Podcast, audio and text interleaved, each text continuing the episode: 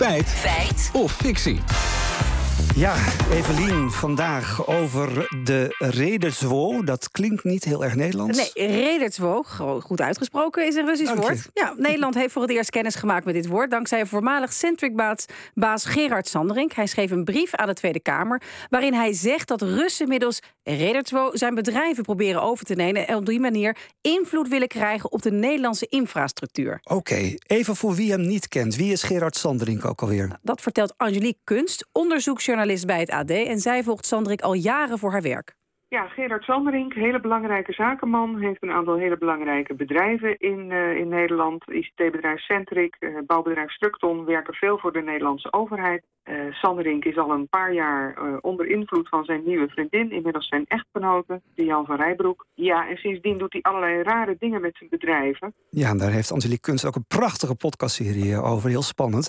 Nu heeft hij dus weer een brief aan de Tweede Kamer geschreven. Waarom? Ja, omdat hij dus zulke rare dingen met zijn bedrijven deed, vertrouwde justitie het niet meer. De rechtbank nam hem zijn bedrijf Centric af. En nu verliest hij binnenkort waarschijnlijk ook zeggenschap over zijn bedrijf Structon. En daarom richt hij zich nu tot de Tweede Kamer voor hulp. In de brief heeft hij het steeds over Rederzwo van de Russen. Ja, daar hebben we dat woord weer. ja. Wat is het? Ja, inlichting-expert Ben de Jong, die weet wel wat het betekent. Hydeswall, dat is een, een, Russische term die eigenlijk afkomstig is van het Engels. Hè, van uh, het woord raid uh, heeft een klein beetje een andere uh, betekenis gekregen in de Russische context. Maar er wordt meestal mee bedoeld dat de georganiseerde misdaad of Russische overheidsinstanties, kan bijvoorbeeld veiligheidsdienst zijn in samenwerking met de georganiseerde misdaad. Hè, want er zit een grote overlap tussen in de Russische context. Uh, dat ze uh, onder dwang proberen een bepaald bedrijf uh, over te nemen door de eigenaar te intimideren of te dwingen onder dreiging met geweld zo'n bedrijf heel goedkoop te verkopen.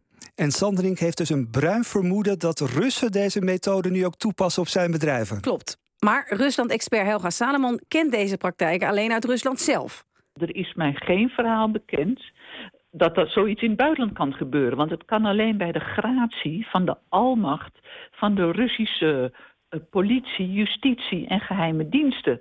In Rusland is geen geldend rechtssysteem. Dat is ondergeschikt aan, uh, aan het Kremlin. Maar in andere landen, in westerse landen, zoals bij ons, geldt wel een onafhankelijk rechtssysteem. Ja, maar het is toch ook niet helemaal ondenkbaar dat Rusland invloed probeert uit te oefenen in het buitenland? Nee, inderdaad, dat vindt die jongen ook. En al zegt hij er wel bij dat over de bedrijf van Sandering dat hij daar niets over weet, wel zegt hij dat Rusland op allerlei manieren de economische sancties tegen hun eigen land probeert te omzeilen. En dat ze ook voor de oorlog al invloed probeerden uit te oefenen op buitenlandse bedrijven en economie, bijvoorbeeld via het staatsbedrijf Gazprom. Oké, maar de Jong heeft het dan niet over een rijdertswo. Nee, klopt. Volgens de Jong gebruiken Russen in het buitenland een stuk subtiel manieren. Ook Helga Salomon zegt dat Russen heel anders te werk gaan als ze een bedrijf in het buitenland willen overnemen. Wat doen Russen dan? Dat hebben we ook gezien. Heel simpel. Ze kopen het op. Zo doen ze dat. Of ze kopen aandelenbelangen in bedrijven. Want in het Westen moeten ze anders opereren.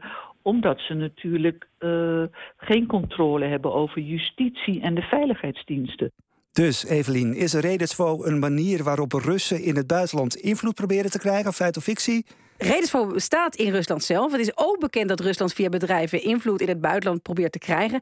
Maar de Redesvo-methode in het buitenland, dat is bijna onmogelijk, omdat de meeste landen gewoon een eerlijk rechtssysteem hebben. Dus fictie.